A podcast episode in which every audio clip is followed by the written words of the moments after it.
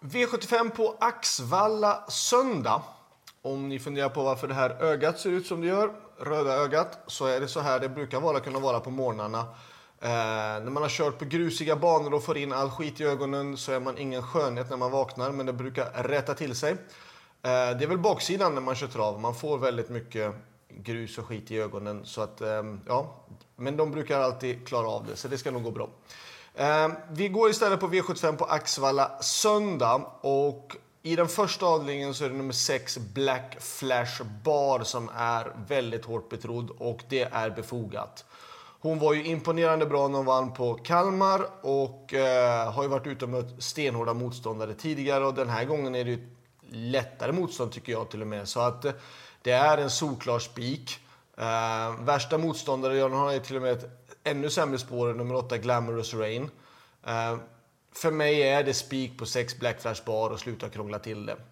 V75 2 är lite mer öppet. Jag har valt som utgångshästar nummer 1 Holger Danske, 3 Global Defender, 6 Goodwin Set och nummer 14 Ny-Lars Lars R.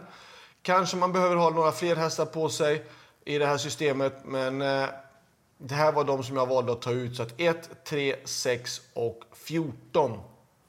V75 3. 6 Dr. Gio, Alessandro Gocciadoro, ytterligare en gång till. Eh, han är den som har bästa utgångsläget utav de betrodda.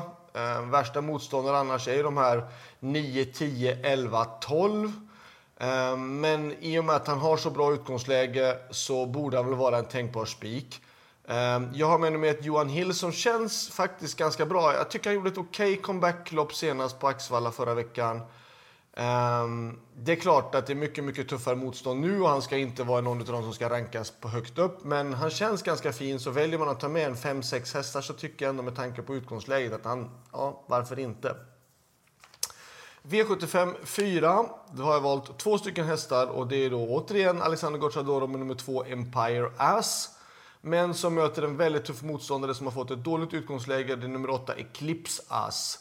Um, hade det varit omvänd eh, nummerordning så hade jag spikat 8, men nu är det så här så då väljer jag att ta 2 och 8. V75 5. Eh, det här är de stona som missade att kvala in till finalen som väljer att gå ut i consolation. Eh, två Olivia Coger är ju bra. Fyra Gevilla självklart. Uh, satt ju dåligt till senast, spurtade bra. Eh, 9 9 points Bird, fick en tuff resa senast, höll ändå bra. Eh, 10 Carbon Fiber är jättebra. Så det är de här 2, 4, 9, 10. 11 Månskenstösen gjorde också ett okej okay lopp senast, men har ju det sämsta utgångsläget av de här betrodda. Då. Så att hon är väl den där femte, sjätte hästen skulle jag ranka det som i loppet. Uh, avdelning 6 är ju spik igen. Nummer 1, Joviality.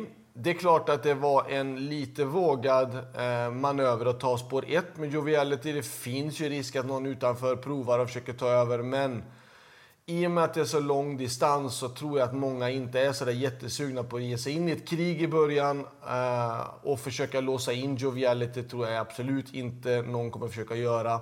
Utan alla försöker hitta sina ryggar eh, och då kommer det lösa sig för Joviality. Jag tror att hon spetsar.